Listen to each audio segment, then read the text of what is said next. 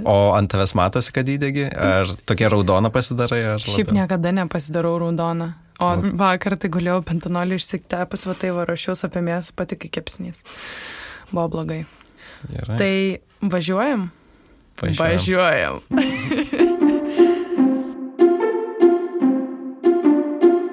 Tai sveiki, aš Andrius. Labas, aš Rugilė. O čia išpakuota. Podcastas apie tvarų gyvenimo būdą ir ekologiją kasdien. Tai kaip tu, Rugilė? E, neblogai. Atėjo vasara karšta. Kaip tavo nuotaikos? Puikios, visai, visai gerai sakyčiau. Svarbiausia turbūt pradėti šitą podcastą reikėtų nuo to, kad šiandien yra Andrius gimtadienis. Oi. Ir pasveikinti Andrius su gimtadieniu, kad jisai šitai pasiaukoja ir ateina įrašinėti laidą per savo gimtadienį ir dirba iš savo širdies. Tai labai ačiū tau, kad esi čia ir, ir man labai smagu su tavim kurti šitą laidą kartu. Rieda, ašara dabar per skruostą. Ačiū. Visiškai nerieda šiaip. Bet... Nu, taip, čia tokia metafora. Bet uh, ne, ne, nežinau, kad sakysi šitą, tai pasimečiau truputį. Tai kaip tu? tai gerai, tai gerai papasako, ką nors, uh, kas įvyko per nuo praeito laidos įrašymo, ar kažką naujo sužinojai, ar Ar kažkas tavo akį vat užkliudė? Sužinau, užkliudė podcastas Naila, e, kurie sukūrė laidą apie klimato krizę.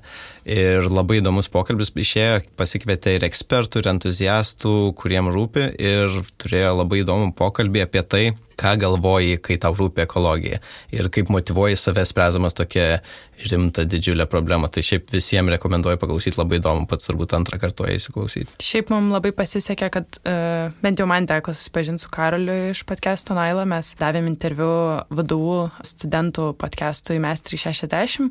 Jis beje galite rasti internete, paklausyti, mes kalbėjome apie podcast'ų kūrimą Lietuvoje, visai išėjo įdomus pokalbis, tai kviečiu pasiklausyti ir mano, ir Karolio patirčių, kurios yra ganėtinai skirtingos. Tai šiaip labai, labai fainas žmogus, labai palaiko mūsų podcastą, mes labai palaikom Nailą, čia toks uh, mini susivienimas, tai labai smagu, kad ta bendruomenė auga ir labai smagu, kad jų podcastas irgi, irgi skiria laiko pakalbėti šitomis temomis ir galbūt vis daugiau rodo dėmesio vat, būtent šitais klausimais, tai yra labai smagu. Taip. O tu kažką šią savaitę atkapstai? Ai, nuo širdžiai tai nelabai. Mes tam šnekėm. Aš mhm. daug tų visokių straipsnių apie klogę rašau ir man jau viskas yra taip susipinęs smegenyse, kad aš, aš gal taupau informaciją, kada nors pateiksim tokį platesniu mastu daug visokių pozityvių naujienų vienoje vietoje. Dabar, kadangi ruošėmės šitai laidai, tai tyrinėjau savo santykių su maistu koks jis yra, kaip sunku man kažką atsakyti, ko neatsakyti, ant kiek mano maistas prisideda prie taršos. Ir um, pastebėjau, kad tam tikrus dalykus galiu keisti, tam tikrais dalykais galiu džiaugtis. Tai tokia savistaba vyko, gal sakyčiau, pastarosiam savaitėm ir kentėjimas nuo karščio, nes yra labai karšta. Tiesa. Tai va, tai šiandien būtent ir pasikalbėsim apie maistą. Pasistengsim aptarti tai labiau iš ekologinės pusės, nekalbėsim tiek daug apie sveikatos klausimus, bet kokia žemė įtaka yra maisto. Ir daugiausiai, aišku, kalbėsim apie mėsą ir apie kaip ji yra užauginama. Čia tokia laida, kur aš nuoširdžiai pasakysiu, pradžiai nenorėjau kalbėti šitą temą. Mes nebereikalo įrašėm laidą apie radikalizmą, nes dažnai suprantam, kad e, mūsų judėjimo atstovai nesažiningai būna netgi priskiriami prie radikalų ypatingai tie, kurie pasisako labiau kraštutiniškai mėsos klausimu. Tiesiog norėčiau pabrėžti, kad šita laida nesiskirs nieko nuo kitų. Mes ne, nesmerksime nieko, mes neieškosime kaltų ir nebadysime pirštais ir neliepsime radikaliai ir kažkaip kas kenktų jūsų gerbuviui keisti savo kasdienybės, bet tiesiog labai svarbu yra pakalbėti, kokią žalą turi mėsa ir mėsos ir maisto pramonė ekologijai ir ir vis dėlto šitą klausimą kelti. Tai vėlgi tą sveikatos klausimą, etinius klausimus mes vis tiek turbūt labiau pasilaikysime savo ir kalbėsime būtent ekologijos aspektu, kaip ir kalbėjome apie aviaciją, kaip ir kalbėjome apie rušiavimą ir kitas temas. Ir šiandien paliesim skirtingus aspektus, kuriuos gyvulininkystė na, tokias problemas, kurias sukuria. Taip, tai pagrindinė priežastis, kodėl verta apie tai kalbėti, tai yra būtent šitos rytis, kurias liečia ta gyvulininkystės pramonė ir kaip kenkia planetai šitą pramonę. Tai yra vis pirma, tai gėlo švaraus vandens labai didelis naudojimas, tada negyvosios zonos vandenynuose kūrimas, miškų kirtimai, šiltnamio dujų skleidimas, klimato kaitros problema ir biologinės įvairovės naikinimas.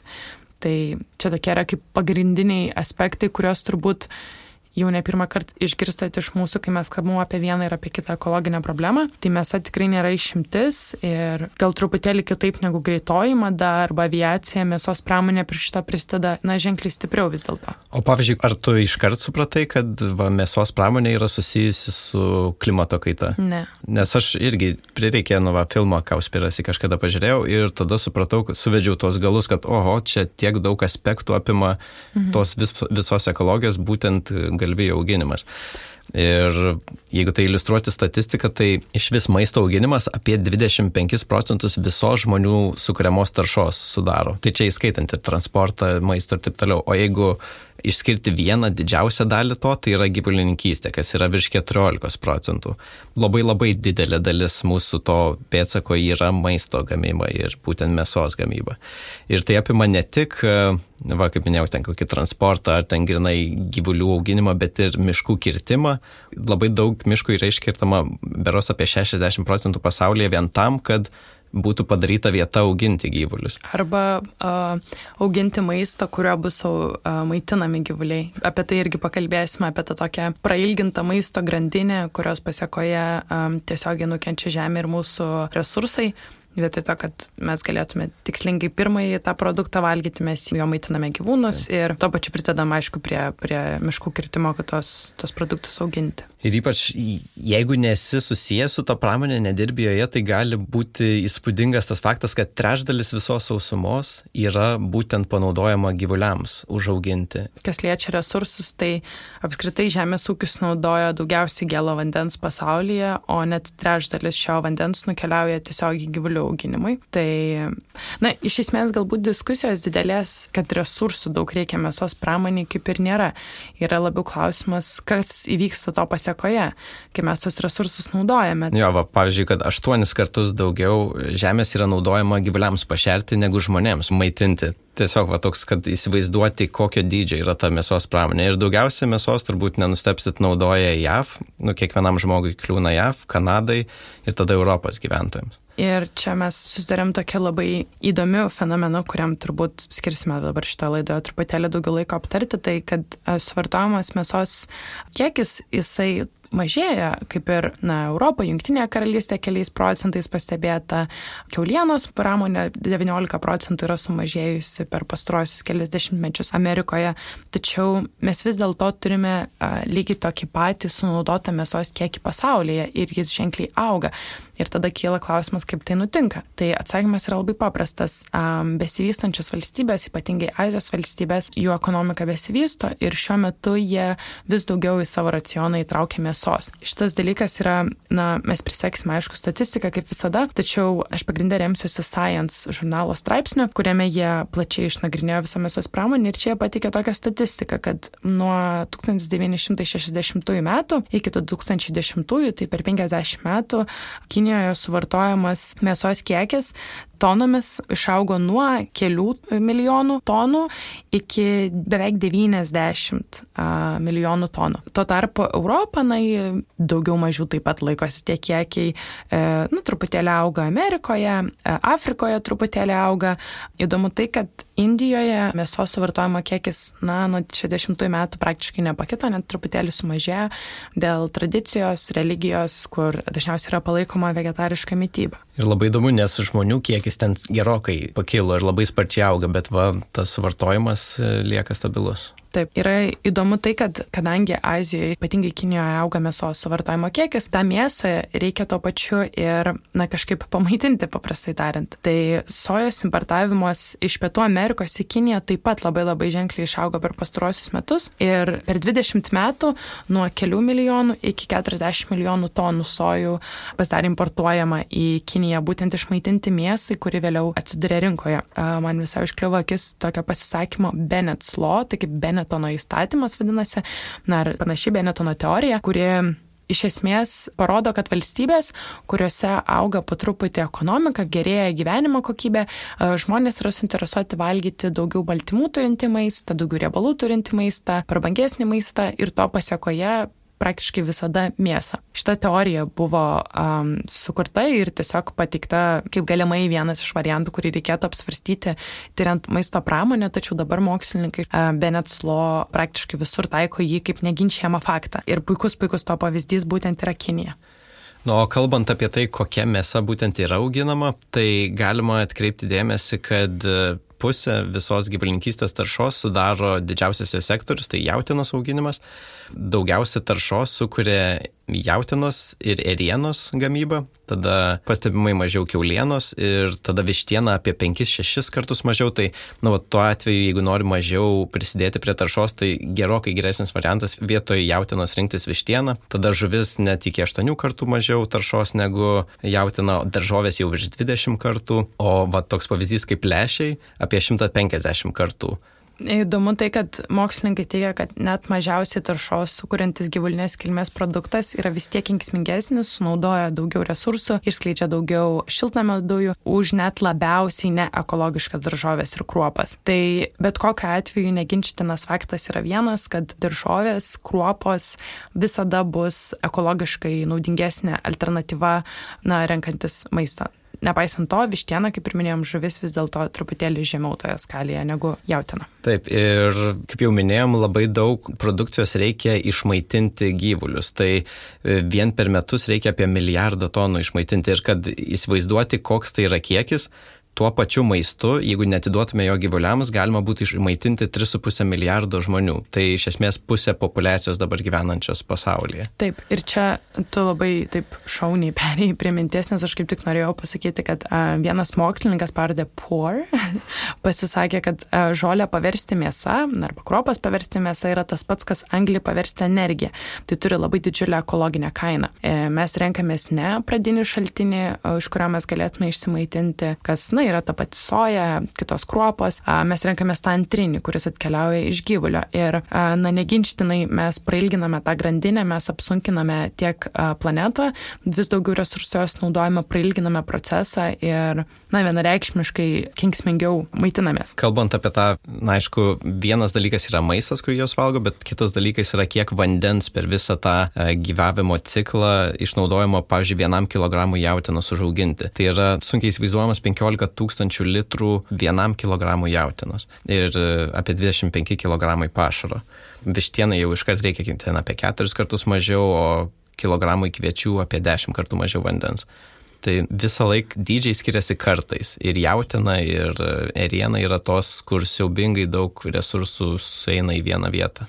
Man atrodo, kad kartais, kai mes kalbam apie resursus ir jų išnaudojimą, yra visai sunku žmonėms suvokti, nes mes gyvename ganėtinai dėkingoje valstybėje, ypatingai vandens klausimą. Mums yra sunku suvokti tą vandens taupimo uh, klausimą, kai Lietuvoje to vandens netrūksta. Jo labiau, kad mėsa dažnai atkeliauja net ne iš Lietuvos ir tas vanduo lyg atrodo ne mūsų, žinai, lyg bet, kitų žmonių. Taip, bet labai įdomu dalyką, kaip tik visai nesnei skaičiau naujieną, kad šiemet e, šią vasarą Lietuvoje vandens netrūks. Ir man toks buvo, palautai kažkada trūko ir pasirodo, kad praeitą vasarą buvo nepasiruošę ten tie tie vandenų tinklai mhm. ir buvo trūkumas ir liepė mažiau kai kuriuose Lietuvos vietose mažiau laistyti tenai ir taip toliau. Ypač, kad Lietuva yra viena iš tų daugiausiai klimato kaitą matančių valstybių, nors ir šiaip gali gatvėje nepasirodyti, bet e, tas vandens kiekis, kuris dažniausiai būdavo papildomas rudenį ir žiemą, šiemet jau nebuvo taip gerai atstatytas vien dėl tokios žiemos, kokią turėjom. Mhm. Dėl to anksčiau jį baigėsi ir šiltesnio orai greičiau prasidėjo. Tai ilgainiui, jeigu jeigu taip tęstųsi kelis metus, gali būti, kad išsivystytų visai nemaža problema ir su geriamu vandeniu Lietuvoje. Nors mes dažnai išnekam, kad Lietuvoje tie resursai vandens tokie neišsėmėmi, kad mes labai turtingi vandeniu. Iš tiesų, manau, gal padarysim kažkada laidą apie, apie būtent vandenį ir pasaulį ir Lietuvoje apie jo taupimą, nes na, manau, kad Lietuvoje tikrai jau šio klausimu tai yra mažokai kalbama, nes mes nelabai matome tai kaip problemą ir grėsmę, bet, na, galbūt reikėtų suvokti, kad uh, kaimyno užsienyje kranas leidžiantis vandenį yra visų bendras vanduo ir, ir vanduo nėra valstybės dalykas, tai yra bendras žemės klausimas, tai jį taupyti reikia visur. Taip, ir mes čia Lietuvoje gal su to nesusidram, bet jau girdim istorijas, kaip ten Pietų Afrikos Respublikoje žmonės negali eiti į dušą dėl to, kad nu, nebegalima leisti mhm. tokiem dalykam vandens kai kuriomis dienomis. Gal pereikime truputėlį dar uh, apie karvės pašnekėti? Jo, apie didžiausią įtaršėją karvės. Problema iš esmės kyla dėl to, kad jos nėra sukurtos auginti taip. Jos nėra sukurtos maitintis sojų pupelėmis ir grūdais ir karvė originaliai valgė žolę. Ir tam jį yra prisitaikius. Kai jai duodi kitą maistą, atsiranda tam tikra problema, kuri vadinasi metano dujos. Kaip ir patys, jeigu valgote kažkokį netobulai ne jums tinkantį maistą, gali atsirasti dujų problema, tai panašiai ir su karvėmis. ir tik tai su karvėmis atsiranda tokia problema, kad jų išskiriamos dujos yra metanas, kuris yra nuo 25 iki 100 kartų stipresnis dujos negu anglės dvideginis. Aš negaliu, nes kažkaip, nu, tipo, juokinga, nu, sauk. Atsiprašau labai. Tikrai neiškirpsim šitą. Kokiais būdais neiškirpsim. Labai atsiprašau. Gerai, tęsiam, tęsiam.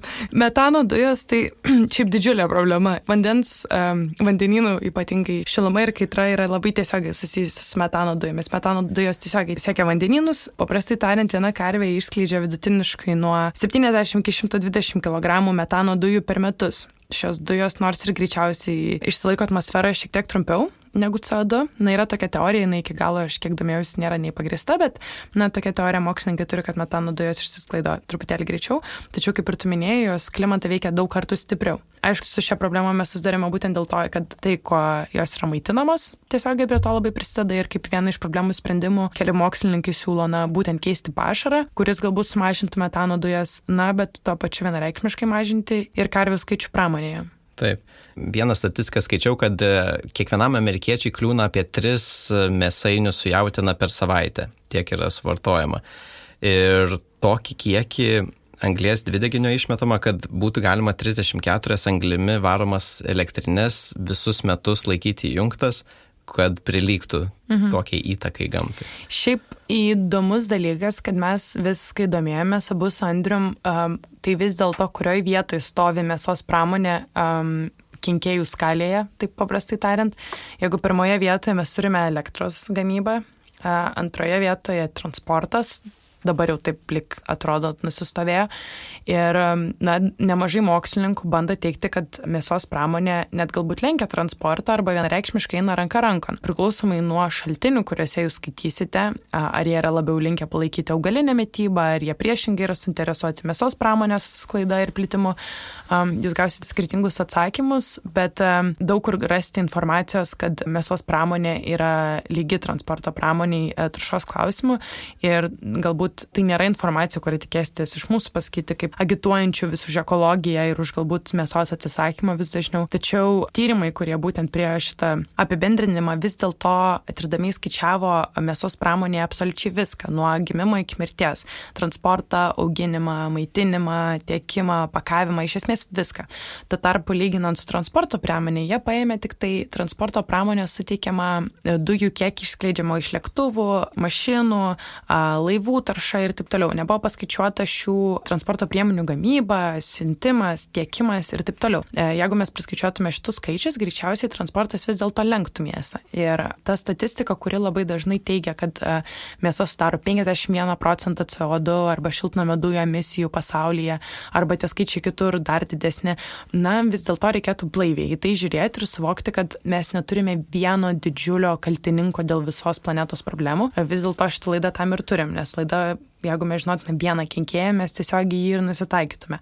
Tačiau tai yra, na, kompleks problema, tai nėra tik tai mėsos pramonės kaltė, tačiau mėsa tikrai trejetuką, ketvirtuką patenka ir eliminuoti šitą problemą reikėtų kuo greičiau. Taip, man šitas buvo, kai aš žiūrėjau filmą Kauspirasi, buvo šiek tiek nusivylimų, kai aš pradėjau tikrinti faktus ir jie ėmė netitikti. Aš vis tiek kaip ir rekomenduoju pažiūrėti tą filmą, nes jis maždaug parodo, kaip ta industrija veikia ir tokį pakankamai, nu, gal ir baugų vaizdą parodo, bet labai vizualiai pamatai tą blogį, kuris, kuris ten vyksta.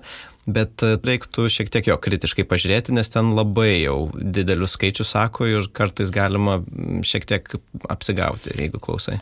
Taip, lygiai taip pat kaip ir PETA savo svetainėje išdėsto faktus, kodėl reikia atsisakyti valgyti gyvulinės kilmės produktus siekiant šviesesnio rytojaus.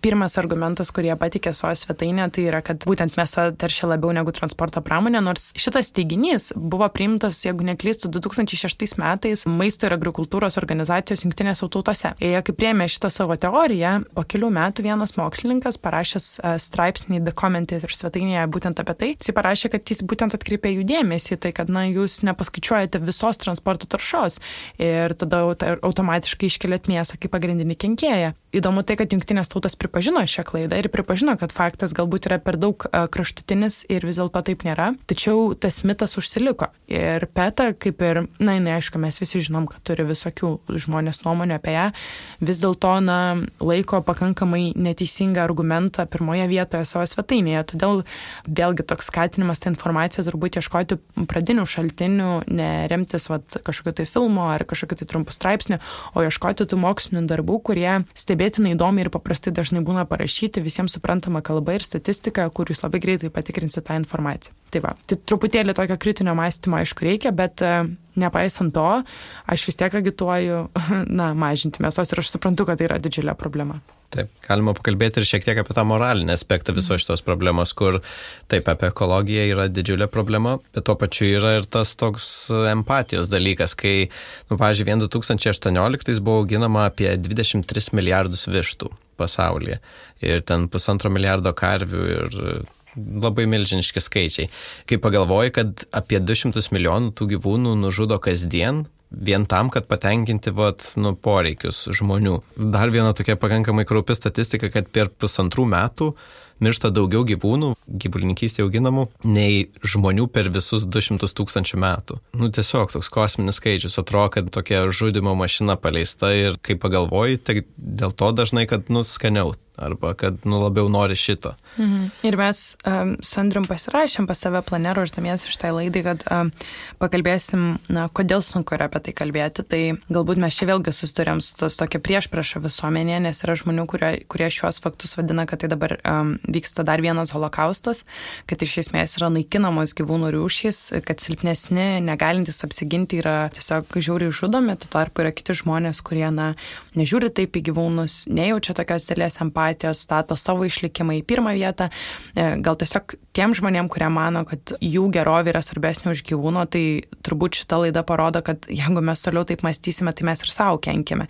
Jeigu mes toliau manysime, kad dabartinė mėsos pramonė yra mums naudinga, tai mes suprantame, kad to pasiekoja labiausiai kenkia net ne gyvūnai, o mes patys, e, naikindami savo resursus, kurių na, mums gali prireikti dar labai daug metų į priekį. Tai vis dėlto tas ryšys yra ir mes turime suprasti, kad ta mėsos pramonė nėra tik tai mums tarnaujanti, jinai yra vis dėlto ir iš mūsų įmanti. Ir šiaip labai daug ir esam kalbėję ir kitose laidose, rušiavimas ir taip toliau, kad jeigu nematai, tai neskauda. Bet čia labai gerai tie filmai padeda pamatyti tą industriją, kaip jį veikia iš vidaus.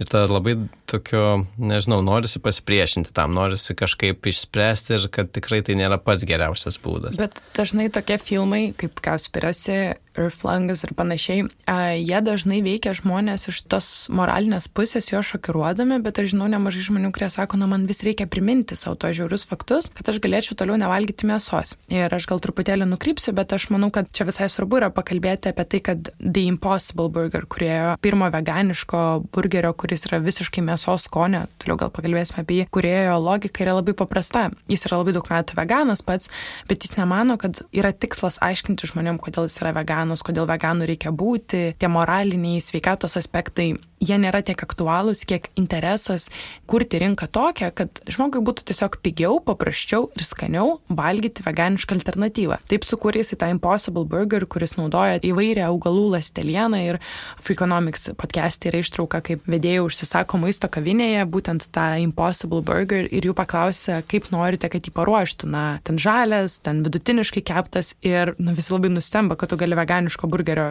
na, tikėtis iki tiek panašus mėsai ir iš nemažai atsiliepimų skaičiau, kad žmonės dažnai gražina net į virtuvę tą burgerį, nes galvoja, kad vis dėlto sumaišė ir jiems su mėsa davė. Na, jis yra antiek, antiek, uh, galite pasidomėti internet irgi, aš įdėsiu nuorodų, tai yra turbūt, na, jau um, sprogimas veganiškoje, vegetariškoje virtuvėje ir tokia alternatyva, kuri truputėlį dabar vis dėlto yra brangesnė dar, bet jų interesas yra kuo greičiau pristaikyti prie rinkos taip, kad ta mėsa būtų visiems prieinama. Ir jo nuomonė yra, kad tai yra veiksmingiau. Nes moraliniais klausimais, etiniais klausimais grūdinti, šokiruoti žmogų ne visada yra veiksminga. Ir gali būti net trumpalaikis tiesiog paprasčiausiai efektas. Tame nėra kažkokio ilgamžiškumo. Ir jis duoda labai gerą pavyzdį. Mes seniau naudojame banginių taukus lempoms, muilui ir panašioms būtinėms reikmėms ir mums nebuvo gaila banginių. Dabar galbūt pastebėjote internete labai daug sklendžia nuotraukų, kaip banginiai ten privalgia plastiko, miršta ir panašus dalykai, kad jie yra laikomi uždaryti rezervatuose, ten, kad darytų pasirodymus kažkokius žmonėms ir taip toliau. Tai yra įdomu tai, kad mums pasidarė jų gaila tada, kada mums jų nebereikėjo praktiniais tikslais. Mes atradom pigesnės ir patogesnės alternatyvas išgauti muilą, palaikyti ten lempoje ir taip taip toliau. Ir, na, tada mes jau galime į tą banginį žiūrėti iš kitos pusės. Bet e, tai neveikia priešingai, kad mes visi sakėm, gailėkit banginio, gailėkit banginio ir visiems pasidarė gaila banginio. Um, taip neveikia. Tai svarbiausia yra surasti tą praktinį aspektą, jeigu mes tikimės, kad visa visuomenė po truputėlį perės į na, žalesnę uh, mytybą. Na, o kalbant apie tą tokią žinutę, kaip uh, galbūt paskatinti judėti prie ekologiškesnio maisto, kol kas labai dažnai ta žinutė yra nevalgyk mėsos ir dar palydima su kritika arba kaltinimais. Na, toks modelis galbūt suveikė kai kuriai daliai žmonių, turbūt mažai daliai žmonių ir nenostabu, kad atsiranda prieštaraujančių tokiam judėjimui. Ir galbūt labiau prieštaraujančių ne pačiai jo idėjai, o žmonėms, kurie taip sako, taip kalba čia iš esmės gali būti suvokiama ir kaip laisvės apribojimas ir labai dažnai ignoruojamos tokios tokie dalykai kaip tradicijos, kartais gali pasirodyti jokinga, koks čia skirtumas, bet kai kurios kultūros labai stipriai remiasi savo virtuvės pasirinkimais būtent iš tų tradicinės pusės. Ir tada iškart galima tokį pagimdyti klausimą, ar tas veganizmas, nu bandom, ar veganizmas ir yra tas sprendimas, ar taip galima išspręsti maisto problemą čia turbūt nėra vieno atsakymo, nes yra įvairių iniciatyvų, kurios lyg ir taiko į tai, kaip ir pavyzdžiui Meatless Mondays, kurį tu minėjai, kad nėra super kažkokia ypatinga iniciatyva.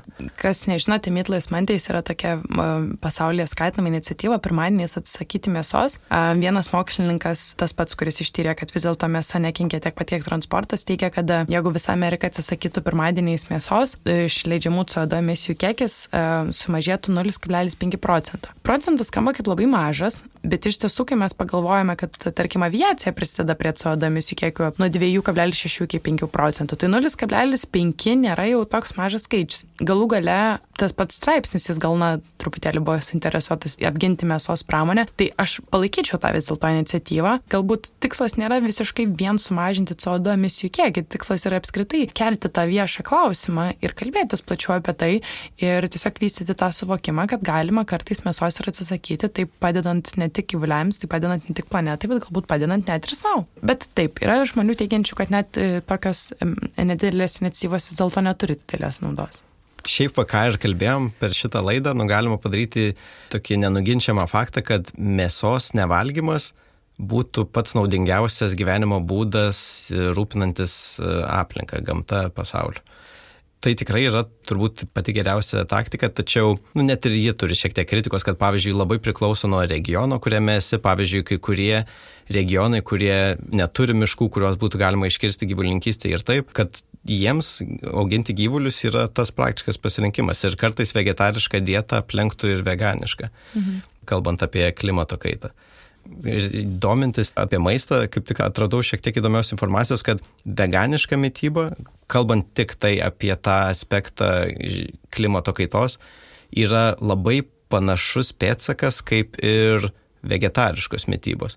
Ir kas buvo dar įdomiau, tai kad viduržėmio, nu, kaip tokia viduržėmio, viduržėmio jūros dieta, kai, nu, iš esmės valgai porą kartų vištieną per savaitę ir ten gal kas kokį mėnesį jautienos, bet daugiausiai valgai daržovių ir daug alyvogio aliejus, ta mytyba irgi yra pakankamai panašaus to pėtsako kaip ir vegetariška mytyba ir veganiška. Aišku, yra skirtumai, bet jie nėra tokie dideli. O kai jau kalbam apie pavyzdžiui, amerikietišką dietą arba, nu, ir europietišką dietą, kur gerokai daugiau mėsos vartojame, tai kartais e, šoka tas, tas pėtsakas ir labai labai labai didžiulis skirtumas yra tarp šitų mytybų. Tai kalbant apie tai, privalom pasakyti, kad veganiškai yra turbūt pats ekologiškiausias variantas, kokį galim pasirinkti. Tačiau jeigu tai yra sunki užduotis ir, nu, tikrai kartais atrodo net ir, sakėm, neminėsim tų sveikatos klausimų, bet kartais, nu, gali būti ir susijęs su sveikata, kad, nu, tiesiog negali būti veganas. Tai tokiais atvejais irgi yra puikių alternatyvų, kaip, vat, ta minėta jau viduržėmė jūros dieta. Taip, aš manau, kad e, svarbu skatinti ir palaikyti visas iniciatyvas. E, negalvoti jas priešiškai, ypatingai, kai yra paliečiamas tas e, mūsų ego klausimas, kai mes išgirstam, kad na gal ten aš kartais kažko atsisakau ir ateina žmogus, kuris daugiau atsisako ir dėl to, kad mes jį išgirstume ir paklaustume jo patirimo, mes dažniausiai puolam jį, kad, nu, ai, tu veganas, čia nesveikas, tau trūksta vitaminų ir panašiai. Dėl to, kad, na, dažnai tai yra mūsų labiau ego pačių problema negu, negu būtent to žmogaus kažkokia tai informacija, kurią jisai teikia. Tai visos tos iniciatyvos yra skatinos ir visų žmonių progresas yra svarbus ir tikrai visi netaps veganai ir veganiška dieta netgi, na, jis skinasi kelią po truputėlį ir Lietuvoje ir pasaulyje veganų vis daugėja, bet vis dėlto procentas išlieka nedidelis. Neseniai klausiau vieną podcastą, kuriame teigia mokslininkas, kad aš turbūt sako didžiausią statistiką turiu Amerikoje veganų, nes aš sako per, jeigu neklystu, šešis metus esu išsiuntęs e, ten labai daug tūkstančių anketų ir visose juose kiekviena iš jų prasideda klausimą, ar tu esi veganas, vegetaras ar mesavalgys. Ir sako, iš tos dabartinės statistikos aš matau, kad nuo 3 iki 6 procentų vis dėlto žmonių tik tai pasirenka šitą mytybą. Tai tas procentas vis tiek nėra didelis. Na turbūt veganai vis dar yra tie patys žmonės, kaip mes kalbam apie aviaciją, kurie renkasi traukiniu, žinai, vietoj to važiuoti ir, ir panašiai iniciatyvos. Ir ta kelionė yra sunki ir aš tikiuosi, kad kažkada ateityje mes matysime veganišką mytybą kaip vieną iš pagrindinių alternatyvų, bet to pačiu dabar visuomenė visuomenė tai yra tabu ir reikia gerbti visų nuomonę, mes niekada nežinom, kas yra teisus, e, kuri vis dėlto pozicija yra teisi žmogaus sveikatos metimo klausimais. Todėl, jeigu reikėtų man išreikšti savo nuomonę, aš manau, kad svarbiausia yra mažinti tos masiškai gaminamos mėsos kiekius, mažinti suvalgomos tos mėsos kiekį iki racionalaus kiekio, pakeisti dažniau žuvimi ar daržovėmis. Ir e, čia gal mes prieinam prie klausimų, žmonės sako apie ekologišką mėsą, kad galbūt tada aš galiu pakeisti ekologišką mėsą savo mytybą, kas, na, mes Andrim šnekėm, kad jeigu mes visi pakeisim uh, savo mytybą ekologišką mėsą, mes išgaunam tą pačią pramonę. Dabartinė pramonė yra pritaikyta tai masiniai mytybai. Vis dėlto mažinti tą kiekį yra turbūt pirmoje vietoje. Ar ne taip? Taip, tikrai vienas iš sprendimų.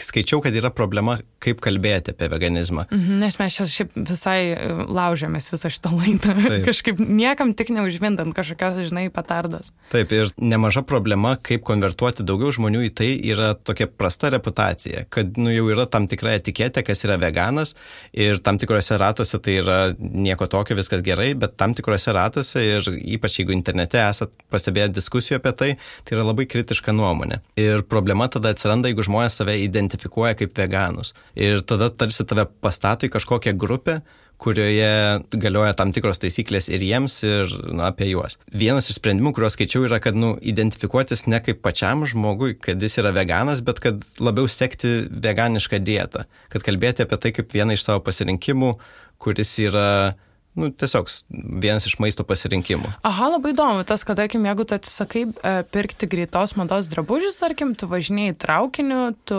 ten tavo namai yra, tarkim, ten low waste arba net iš zero waste gyveni gyvenimo būdą, ten naudoji atsinaujinančią energiją, tai tavęs nestato į kažkokį tai konkretų jėmą, dėl kurio savo reikėtų save pateisinti arba pasiaiškinti visuomeniai.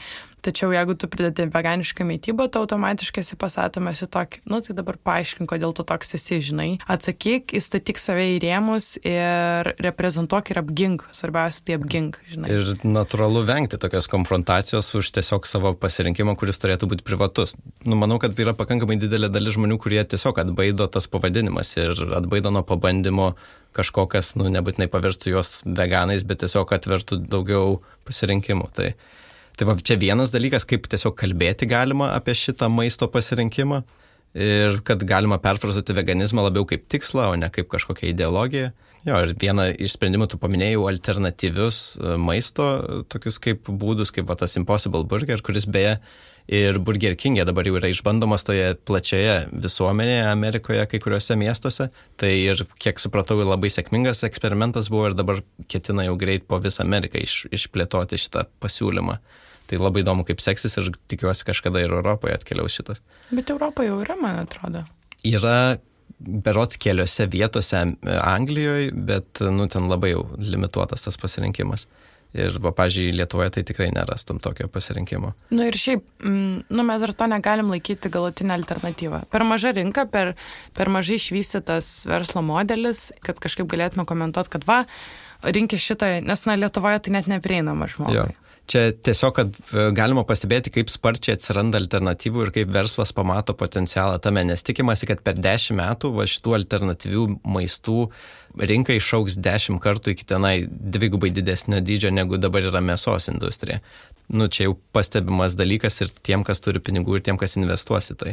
Ir, na, dar yra tokių pavyzdžių, kaip e, laboratorijoje užauginta mėsa, kas yra jau vykstantis dalykas, tačiau iš lėto ir, pavyzdžiui, ta mėsa, nors ir iš dalies skonis yra panašus, tačiau tai nebūtų kepsnys kažkoks, nes pasirodo yra siaubingai komplikuota, kaip atkurti skirtingus audinius mėsos ir kaip juos padaryti tokius pačius, kaip, kaip va, tas tikras kepsnys. Tai ten ką gauni, mačiau tokį video, ten tokia maždaug tešla, kuris skonio kaip mėsa, bet, nu, čia yra pirmieji žingsniai. Ir tai nežinau, kiek ekologiškiau, va, pavyzdžiui, CO2 atžvilgių būtų, bet bent jau nebebūtų to žiaurumo su gyvūnai susijusio. Mhm. Kiek žinau, Impossible Burger tai um, šiaip ekologiškesnė yra alternatyva. Daug, daug. Ir, ir medžiagų klausimai jie yra įrodę ir ištyrę, kad na, jų tas burgeris yra maistingesnis ir baltymų, ir B12, jeigu neklystu, jis turi ir na, panašus dalykai. Ir labai įdomus dalykas, Freakonomics podcastas būtent iškelia šitą problemą, kad patys veganai ir net kelios organizacijos Impossible Burger padavė tyrimams, kad jie ištirtų, kaip yra išgaunami tam tikri produktai tame burgeryje. Na, toks visuomeninis to, tų pačių idėjų susipriešinimas įvyko kada veganai ir... Ten iš tiesų buvo ne veganai, ten buvo ekologai, labiau aktyvistai, kurie patys kaip ir bandė pakišti Impossible Burger. Galbūt čia yra ta mūsų didelė greenwashingo baime, nes mes visur bijom, kad visur yra naudojamasi mūsų to tokiu dideliu naivumu. Tačiau Impossible Burger kuriejas, na, jis pats yra daug, daug metų veganas ir um, paklausant interviu su juo, tai labai matosi akivaizdžiai jo interesas. Jisai sako, aš noriu išspręsti didžiausią problemą, ekologinę problemą pasaulyje ir aš manau, kad čia yra ta alternatyva. O jeigu dar kalbant apie tai, ką patys galim pasidaryti, tai buvo labai įdomi istorija, trumpai apie ją, kad Kuboje, kai žlugo Sovietų sąjunga, jie beveik vieną augino cukrų ir jie nebuvo pasiruošę užsiauginti visko patys, bet žlugo Sovietų sąjunga, ką darysi, dabar reikės. Ir jie pradėjo auginti viską savo sodose, e, paprastai, be kažkokio, e, aišku, vyriausybė labai rėmė ir investavo į tai, bet iš esmės jie darė tai, ką darė mūsų ten močiutės tiesiog savo sodė užsiaugindavo įvairų maistą, nenualindavo žemės vieną rušim kažko, ką augina tenai pramoniniais lygiais. Dabar jie jau e, pakankamai stabiliai, aišku, kažką dar importuoja, bet nu jau iš esmės augina savo dalykus patys. Taip, ir Lietuvoje yra populiaru tokie, neskaitant, aišku, močiučių sodų, yra bendruomeniniai tie tokie sodai ir dražai, kurias daug kas turi kartu ir, ir augina tą maistą. Tai labai pozityvi iniciatyva. Aš Taip. norėčiau prisidėti prie kažko tokio. Jo, ir čia yra šitas dalykas, ką mes kaip ir jau turim ir tiesiog reikia nepaleisti, nes nu, šitie dalykai, nu, čia ir yra sprendimas. Jo, mes gal vis neužtenka pabrėžti, kad dažnai atsakymas lypi paprastume mažiau, paprasčiau, daugiau vietinių dalykų, daugiau, na, dalykų, kuriuos užauginti ir pateikti užtrunka truputėlį daugiau laiko ir gal truputėlį brangiau, bet, na, jeigu tu visko įmis saikingai, tai tau ne, nebus gaila truputėlį brangiau sumokėti už ekologišką produktą, jeigu tu saikingai tą maistą rinksiesi ir žiūrėsi tai kažkaip racionaliai. Taip. O jeigu jau turi to maisto, tai sunaudokit jį. Tai jo, suvalgykit, ne, nieko neišmeskit, ne.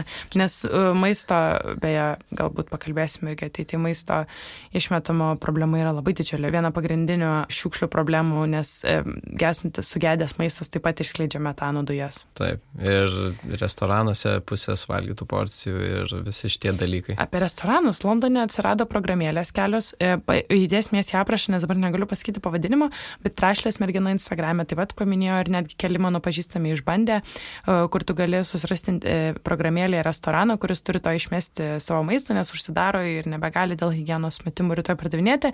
Ir už nedidelės kainos iki maždaug 3 svarų tu gali tą maistą pasiimti iš jų.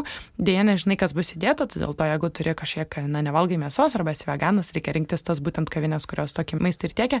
Žodžiu, maistas būna šviežias, skanus, viskas su juo gerai tai ir už labai mažą kainą. Ir mano vat, draugė neseniai pabandė šitą eksperimentą, tai jinai ten labai daug gavo, aš ten ir sribos, ir ten pitos duonos keptos šviežios minkštos, ir, na, ten visokių dalykų.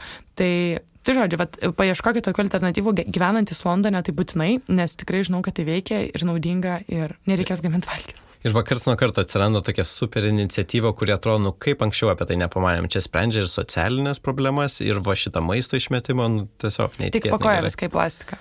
Nu, va, tai. Va, Truktų žvadžių vėl iš pradžių. jo. Oi, kartais baisu, kai pagalvoju. O ne, mes jau taip pozityviai visą judėjom, o dabar vėl. Nu, bet tai gal ir metas užbaigti. Jo, gal tai tokia pozityvia gaidelė ir užbaigiam. Taip, Am, tai atsiprašom, jeigu jautėt, kad aiškinam, šiaip nebandėm. to Jo, daryt. čia kaip baisu buvo visą tą laidą, ne, prisišnekėt.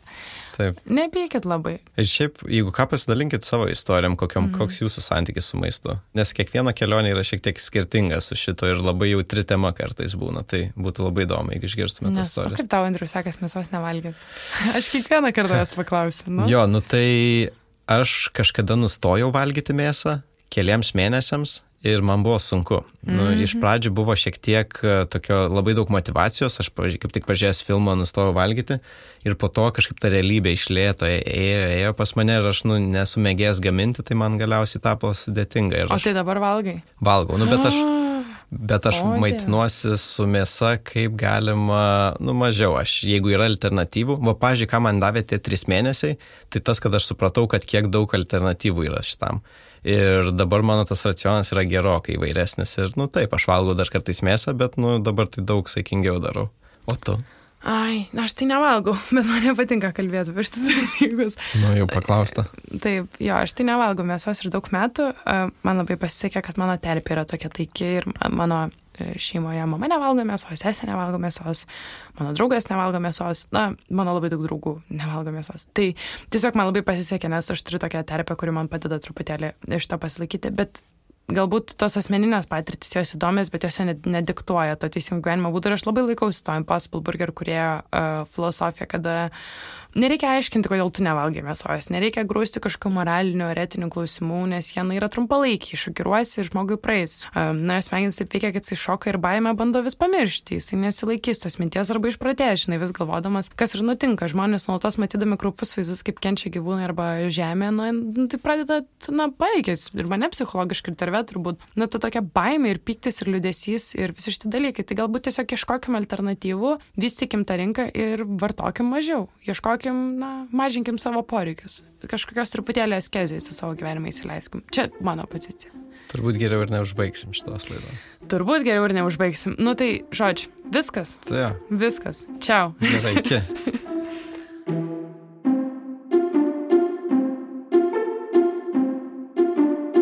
Didelis ačiū Robertai Rilaitai, Renatai Krasovskai, Aurimui Sticenkai, Pranciškui Bražiūnui ir būgnininkas.lt, kurie prisideda prie mūsų laidos, pieždami iliustracijas, padedami mums tvarkyti garsą, leidžia mums į savo studiją ir visokiojopai padeda, kad šitas podcastas virstų realybę. Ačiū. Ačiū.